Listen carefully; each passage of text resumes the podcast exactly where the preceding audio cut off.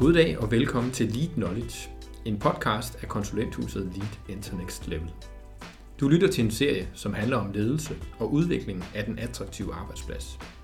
I denne serie vil mine kolleger og jeg drøfte nogle af de emner og udfordringer, som vi møder i arbejdet med at skabe en attraktiv arbejdsplads. Det er vores håb, at vores viden, afprøvede værktøjer og erfaringer fra hverdagen med vores kunder kan give dig noget at tænke videre over og måske også noget, som du har lyst til at arbejde videre med.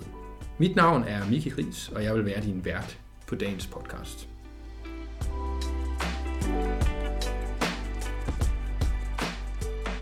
Med os i dag har vi Katrine Bastian. Katrine hun er uddannet i psykologi, og så arbejder hun med som erhvervspsykolog i LEAD. Velkommen til, Katrine. Mange tak skal du have, Miki. Jeg har glædet mig til at have dig med her i studiet, og jeg vil egentlig gerne starte med at høre lidt om, hvad er det, du arbejder med til dagligt? Er der noget, som du sådan er særligt fagligt optaget af? Ja, jeg er jo erhvervspsykolog og konsulent i LEAD, chefkonsulent, og i mit daglige virke som konsulent, så er jeg rundt i hele Danmark øh, til forskellige typer af arbejdspladser, og har både med direktioner og nedad i ledelseslagene, rådgiver ledere, rådgiver lederteams, teams, jeg er også ude i afdelinger og teams, hvis der er en eller anden form for samarbejdsproblemer, eller man har brug for at snakke lidt om, hvordan er det, vi har det, og hvordan er det, vi skal samarbejde med hinanden. Øhm, og det har jeg gjort i mange år efterhånden. Øh, og noget af det, som jeg er særligt optaget af, det er egentlig at få det her med ledelse af psykisk arbejdsmiljø på dagsordenen ja. rundt omkring i organisationer. Ja. Øh, og det vil jeg egentlig gerne, fordi at jeg jo nok oplever mange steder, at, at, øh, at det bliver lidt personallederens ansvar mm. at få det der med medarbejderne til at fungere. Og, øh, og det er lidt noget blødt. Sådan det der, det bløde, det runde, det der sådan nice to, øh, mens de virkelige dagsordner, det er økonomi og drift og produktion og resultater. Og tingene hænger jo sammen. Så øh, man kan sige, at min øh, agenda som erhvervspsykolog er jo egentlig også at få direktionerne på banen noget mere i forhold til det her kigge lidt på, hvad er egentlig vores rolle, og både i forhold til at sætte noget strategi, men jo også deres egen funktion som rollemodel mm. til en kulturudvikling. Ja. Der også handler om at skabe attraktive arbejdspladser, som vi har lyst til at blive rekrutteret ind i. Det er der mange virksomheder, der bøvler med i øjeblikket, men jo også øh, attraktive arbejdspladser, som vi har lyst til at blive hos og kan udvikle os i og have det godt i. Mm. Ja. ja. Ja, og i dag der skal vi jo snakke om øh, begrebet psykologisk tryghed, og øh, i den forbindelse vil jeg gerne høre dig, om du vil prøve at beskrive sådan en situation, hvor, øh, hvor det var helt tydeligt, at der var ikke psykologisk tryghed øh, til stede. Ja, det kan du tro. Altså, øh, det er jo heldigvis ikke så ofte, man oplever det. Jeg vil sige, nu kommer vi til at snakke lidt mere om, hvad det er, og hvordan man kan arbejde med det. Øhm, så, og, og heldigvis langt de, langt de fleste organisationer og arbejdspladser, jeg er ude hos, der oplever jeg, at folk de sådan set trives og har det godt, og ja. også har det godt med hinanden, og det er jo lidt det, det handler om. Mm. Men jeg har været ude steder, hvor, øh, hvor jeg mærkede, at det her det er et svært sted at være. Og det er jo nogle gange en meget god måde at få eksemplificeret på, hvad er det her begreb psykologisk tryghed for noget, mm. når vi kigger på, når det ikke er til stede. Ja. Øhm, og, øh, og da du spurgte mig sådan indledningsvis til det her, øh, om jeg kunne komme i tanke om sådan et eksempel, så har jeg gået og tænkt lidt. Og, øh, og jeg kan huske en gang, jeg var, øh, jeg var med i opstarten af tilrettelæggelsen af et større lederudviklingsforløb ja. i en stor dansk organisation. Altså hvor der skulle tilrettelægges en masse forskellige workshops og øh, netværksgrupper, og, altså indsatser, tiltag, undervisning i det hele taget for en, en ledelseskæde, altså alle ledelsesniveauerne i en organisation. Ja. Øhm, og det her projekt kommer, øh, får vi som, øh, altså lead som konsulenthus, så er jeg jo smadret glad for det og bliver inviteret ind, og det viser sig, at det skal gå lynhurtigt. Og der er rigtig stort pres på at få, øh, få det her projekt til at fungere rigtig godt. Okay. Altså, altså succeskriterierne er kæmpe store, men det er, det er samtidig også lidt diffus defineret, hvad det er, denne her direktion gerne vil have. Øh, og det bliver lidt sådan, øh, den kompleksitet møder vi, og den bliver kanaliseret nedad i organisationen. Det er helt sikkert. Altså, nogen nedad i organisationslagene må finde ud af den her kompleksitet. Men alle er nervøse. Alle er lidt øh, sådan usikre på, hvad er det egentlig, direktionen gerne vil have. Mm. Måske også fordi det selv er svært for direktionen, det ved man ikke. Men jeg sidder til et møde med nogle projektledere, øh, og øh, de er ret pressede, fordi det skal gå stærkt, og de skal levere rigtig meget, og meget detaljeret, fordi direktionen faktisk er med nede i hver eneste detalje. Øh, så vi sidder der og skal til at prøve at planlægge nogle elementer i forløbet, og, og har egentlig sådan nået os tre sammen og finde en meget god rytme og en god relation, og jeg kan sådan fornemme, at øh, vi kan også godt snakke lidt om nogle lidt andre ting nu, øh, ud over kun det faglige. Øh, så stemning er sådan set ok. Men sådan ud af det blå, så øh, går døren op til det her lille lokale, vi sidder i, så meget lille mødelokale. Og ind kommer HR-chefen, en høj mand, og, og et følge nærmest af øh, udviklingskonsulenter og mellemledere og andre projektledere osv., som stiller sig langs væggen, og han sætter sig så for bordenden og kaprer mødet, vil jeg sige, uden at præsentere, ja. hvorfor er han dukket op, og hvad er det, han vil, men begynder bare at sige, nu vil jeg have nogle svar på, hvad har I tænkt jer at gøre? Og kigger på de her to projektledere, som går fra at have været afslappet, rolige, til at øh, kigge ned, læne sig tilbage, ikke tør, øh, taler lavt, øh, er urolige. Jeg kan se, de sådan ryster, når de rører ved deres papirer. Øh, og han sidder bare og afkræver svar. Og så øh, skubber han stolen tilbage igen og rejser sig op og går og siger, den tager du og peger på en mellemleder. Og så kan den mellemleder så få lov at fortsætte mødet. Ikke? Og jeg kunne bare fornemme, hvor utrygge de var. Ja. Og det viser sig jo så også, at, øh, at der har været ordre oppefra fra direktionen om, at nu skal HR-chefen få styr på sin butik og mm. styr på projektet, og øh, er, at HR-chefen jo også er under pres. Ja. Så det går jo altså helt op fra, kan det nogle gange gøre i hvert fald, og hele vejen ned igennem organisationen og helt ned til medarbejderniveau, hvis der er den der utryghed, eller den der sådan ekstreme fokus på kontrol på en måde, hvor man øh, finder skyld, skyldnere og udskammer folk, og det er din skyld, og hvorfor har du ikke? Og sådan bebrejdende nedad i, i ledelseskæden. Ja. Så det mærkede jeg sådan first hand der, og kunne virkelig tydeligt mærke, hvor, øh, hvor ubehageligt det var at sidde i sådan et møde, og egentlig ikke kunne gøre noget, fordi det var nu engang hierarkiet, der talte. Ja.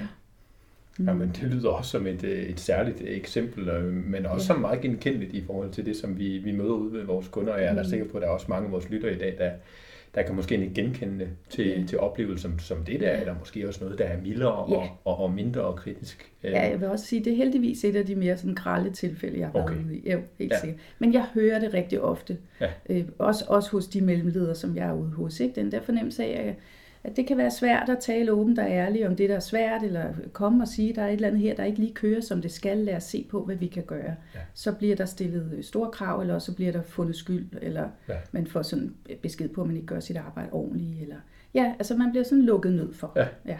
Der er meget på spil i sådan et rum der, og det ja, gør det selvfølgelig folk uh, utrygge.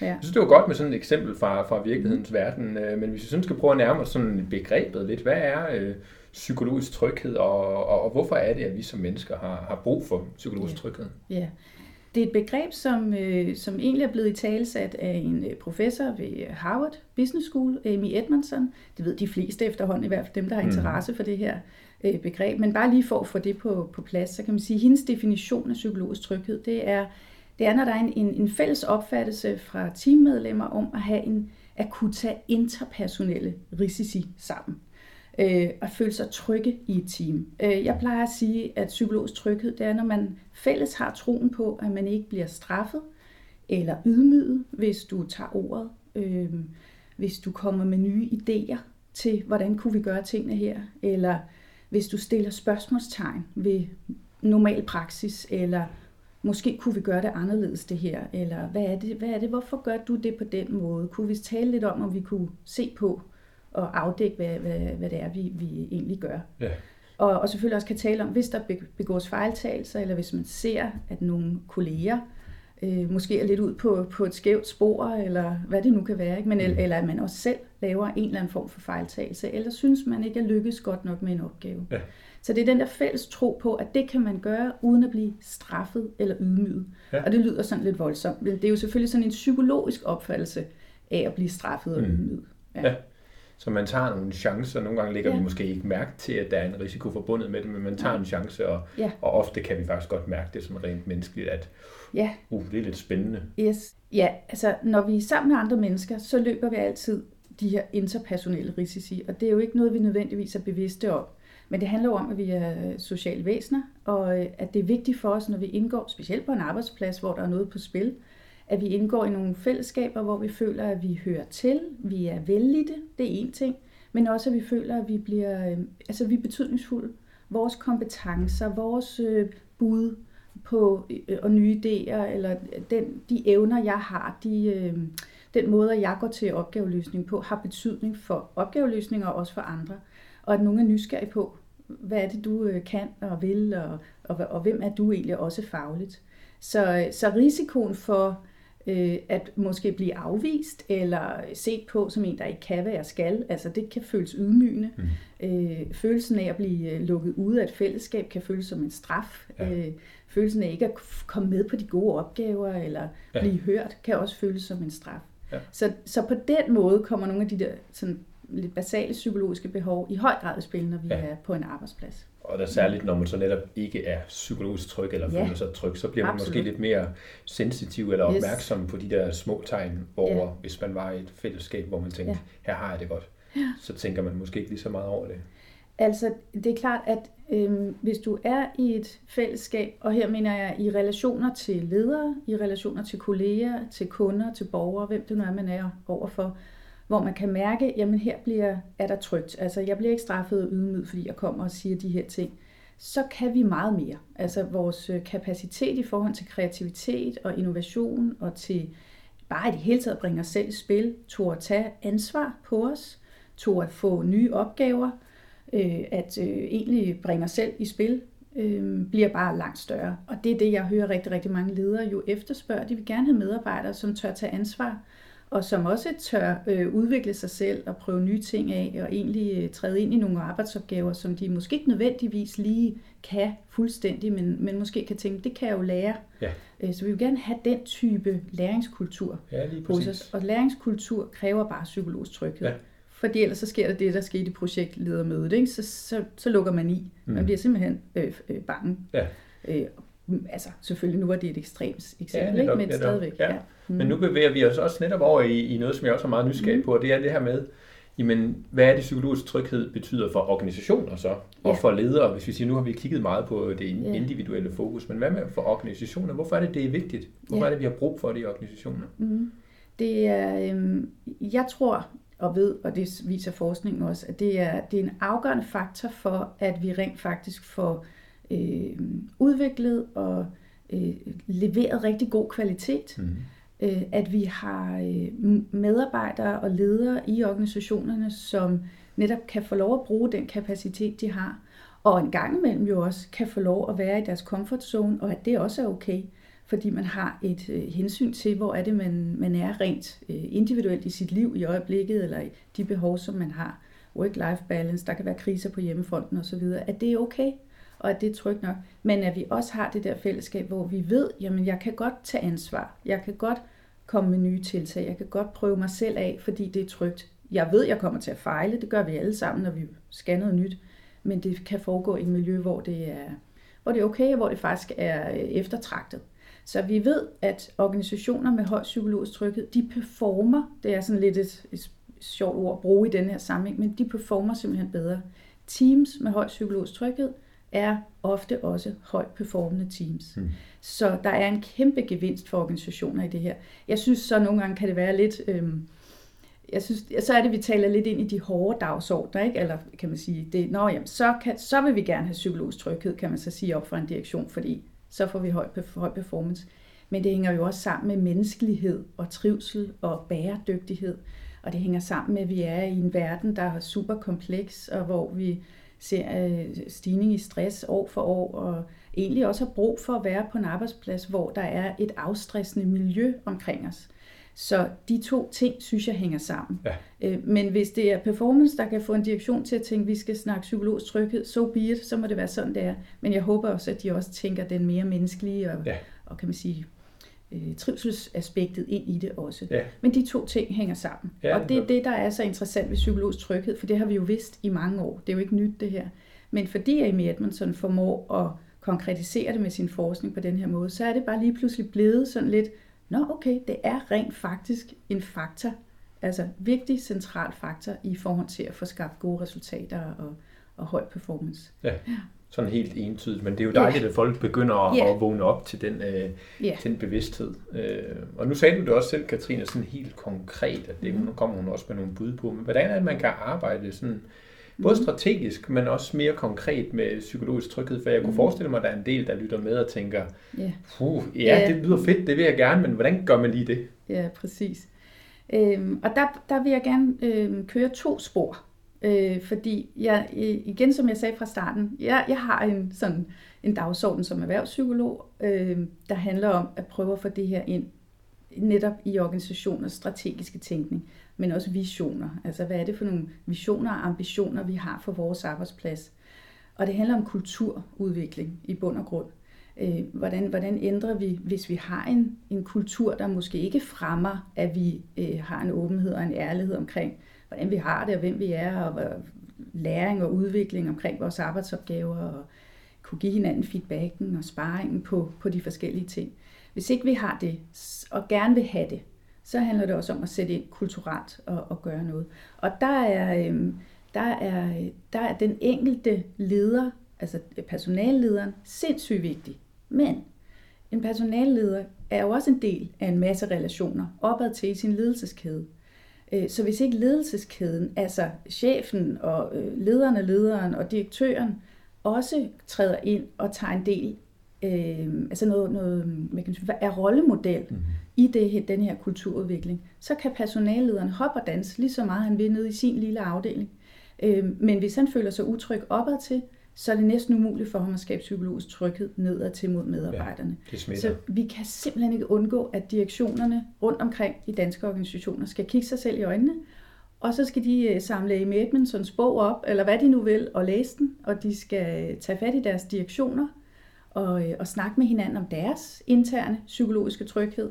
Hvordan er det, vi som direktion får en god intern sammenhæng med hinanden, kigger hinanden i øjnene der, øh, Øh, insisterer på, at deres egne ledere nedunder sig, også gør det og faciliterer det for dem.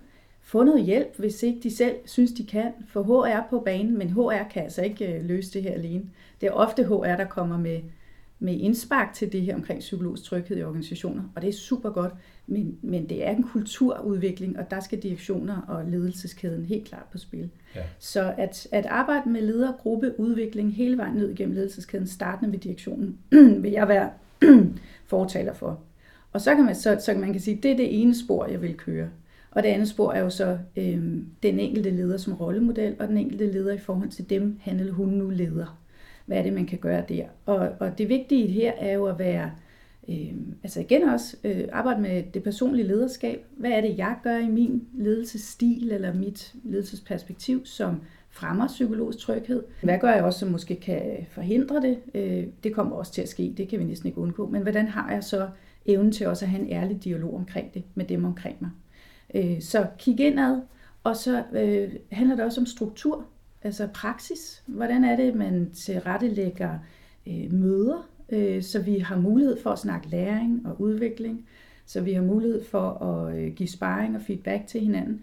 Øh, ofte er mødeformer et godt sted at starte, så man ikke nødvendigvis skal gøre mere ud over det, vi plejer, men forsøge at ændre lidt på det, vi gør i forvejen. Altså, så lad være at nødvendigvis sætte Øh, jamen om et halvt år på det næste teammøde, så arbejder vi med psykologisk tryghed. Nej, tag det med ind i hverdagen, i de møder og touchpoints og en til ener, man har med sine medarbejdere, øh, hvor man simpelthen begynder stille og roligt og, og, praktisere det i form af at give feedback og opsøge feedback og sørge for, at der kan være kollegial sparring, og sørge for, at man får mulighed for at snakke om både det, der går godt, men også det, der er svært, på en lærende måde, og en ikke skyldskamprægende øh, dialog, kan man sige. Ja. Så det, det er rigtig meget ned i struktur. Og jeg plejer at sige, at struktur bygger kultur. Så det der med at begynde at ændre på nogle af de der måder, vi gør ting på, er, er et godt sted at starte. Og bare for sådan at nævne nogle sådan helt konkrete øh, eksempler, så er det jo noget med at facilitere lidt mere på møderne, hvis man er leder. Øh, hvordan kan man sørge for, at alle bliver hørt eller kommer til ord? Det kan blandt andet være noget med simpelthen en turtagning. At vi skal drøfte det og det tema i dag, hvad er jeg? Skriv lige ned, hvad er jeres øh, take på det her tema? Og alle får lov til lige at nævne det, selvfølgelig afhængig af, hvor mange man er. Det kan være, at man skal være lidt mindre grupper. Men netop for, at det ikke bliver øh, tordenskjold soldater, der altid siger det samme, eller ham topchef, projektkonsulenten, der altid er den, der tager ordet. Fordi det kan nogle gange gøre, at nogle af dem, der måske er mindre erfarne, eller ikke nødvendigvis har faglighed på området, ikke siger noget. Og de kan godt sidde og have gode idéer. Så det er en mulighed. Så kan det også være at simpelthen lave decideret sparring og feedback-sessioner, hvor man tager en eller anden form for opgave-dilemma op. Jeg står i det her, den her opgave lige nu, eller jeg har den og den kunde, eller jeg står for den her borger. Jeg synes, det er det, det er lidt vanskeligt. Hvad, hvad kan jeg gøre her? Giv mig nogle gode bud på det. Eller noget god feedback på, sådan som jeg løste min opgave sidst, øh, jeg var ude ved den her kunde. Det kan også være anerkendende lytning, altså facilitere simpelthen, at man, øh, at man sidder rundt om, og, øh, rundt om hinanden og egentlig lytter efter styrker og fede ting, man gør, gode greb osv., og gør en opmærksom på det. Mm. Fordi tit så får vi simpelthen ikke anerkendt hinanden i hverdagen, og det er også med til at kunne skabe sådan lidt en utryghed. Synes Simon, det er godt nok det, jeg gør? Eller, Altså, øh, så det der med egentlig at træne sig selv i at blive øh, tydelig omkring, hvad man faktisk værdsætter hos den anden, og synes, øh, de gør godt i forhold til deres opgaveløsning. Og så kan man sige øh, det her med at tænke, jamen en, øh, en levering af en leverance på en opgave behøver ikke nødvendigvis være, være fuldkommen spidse færdig, når man leverer den. Måske skal man arbejde lidt med prototypetænkning, altså at sige, vi, øh, vi laver nogle sprint, hvor vi her, her hvad jeg er nået til indtil videre. Ja lad mig høre, hvad I andre tænker. Okay, tilbage i arbejdsrummet, og tilbage og give, give den frem igen, ja. og så få mere feedback. Ja. Så man sådan på den måde ikke skal komme og levere det perfekte, ja. men at der er en, øh, en struktur for, at øh, vi lærer stille og roligt frem. Ja. Øhm, ja. Altså, det er jo helt tydeligt, at, øh, at man kan arbejde med psykologisk tryghed så her til allersidst, Katrine, er der sådan en ting, øh, du vil sige til vores lyttere i forhold til, at de skal gå hjem i morgen og øh, sætte den psykologiske tryghed på dagsordenen? Hvordan kan de gøre det? Ja, ja sådan helt konkret. Øhm, Amy Edmondson, hun siger, det handler om at sætte scenen som en start. Øh, og det, det synes jeg er et meget interessant øh, øh greb, hun har der. Og det, sådan som jeg ser det, så betyder det, at en leder, der måske hører den her podcast, i morgen vil kunne gå hjem og sætte scenen ved faktisk at begynde at snakke om det, fortælle om det, øh, øh, gå en tur med en kollega, altså en lederkollega, og sige, nu, jeg har hørt om det her begreb, og jeg tænker sådan og sådan om, hvordan vi gør det hos os. Øh, hvad synes du, eller hvad tænker du? Altså det der med egentlig at begynde at lade, lade begrebet vokse på en, og begynde at reflektere over, hvordan gør jeg det egentlig selv? Måske endda også øh, tage en snak med sine medarbejdere om, jeg synes, det her begreb er sindssygt spændende. Jeg tror, vi ville kunne få rigtig meget ud af det. Jeg kunne godt tænke mig at være med til at sætte det her i spil hos os, men jeg er da også lidt i tvivl om, hvordan jeg kan gøre det bedst muligt. Hvad tænker I? Og det er jo super, det kan være super sårbart, men det handler psykologisk tryghed i høj grad også om, at man tør være lidt ærlig og gå forrest og også starte en lidt sværere dialog, eller måske sådan en dialog, der måske lige åbner op for nogle ting. Hvis ikke vi kan det, så får vi aldrig psykologisk tryghed. Det er jo det, det i bund og grund handler om. Ikke? Så i bund og grund hjem og begynd at både tænke over dig selv og hvad du synes er spændende ved det her, men jo også del budskabet, tal med nogen om det, få det spredt ud. Og hvis du har en god relation til din chef, få det lidt opad. Altså lad dem være dem, der tager initiativet til det her også. Uden at det skal gøre dig passiv, og, øh, altså, for der er masser, du selv kan gøre over for den del af organisationen, du nu engang er leder i. Men jeg synes helt klart også, lede opad. Det er mm. super vigtigt. Ja. Mm. Jamen, uh, tusind tak, fordi du kom i dag, Katrine, ja. og delte noget af din viden, og også de der praktiske eksempler. Det synes jeg gør det sådan lidt mere tydeligt, hvad psykologisk tryghed egentlig er, og hvordan det føles og opleves. Og så håber jeg, at uh, jer, som lyttede med i dag, ligesom jeg har taget noget nyt med, som uh, kan være inspirerende, uh, noget som du kan gå hjem og tænke over, men forhåbentlig også noget, som du får lyst til at gå hjem og prøve af og snakke med folk i din organisation om. Så tusind tak for i dag. Mange tak, det var en fornøjelse.